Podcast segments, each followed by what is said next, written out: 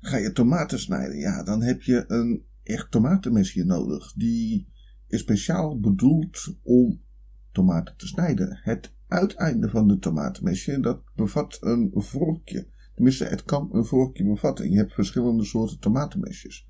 Met het vorkje dan kun je heel makkelijk je gesneden plakje zo oppakken, zonder dat de zaadjes eh, eruit vallen. Tevens, het uh, tomatenmesje, dat kan een gekanteld uh, element hebben, maar ook een glad element. In ieder geval, het mesje is niet al te groot, het is makkelijk hanteerbaar. Je komt er dwars doorheen, want die vel van de tomaten, dat is best wel een beetje ja, rubberig af en toe. Dus snijden met een, een koksmes, dat zou nog, uh, zou kunnen.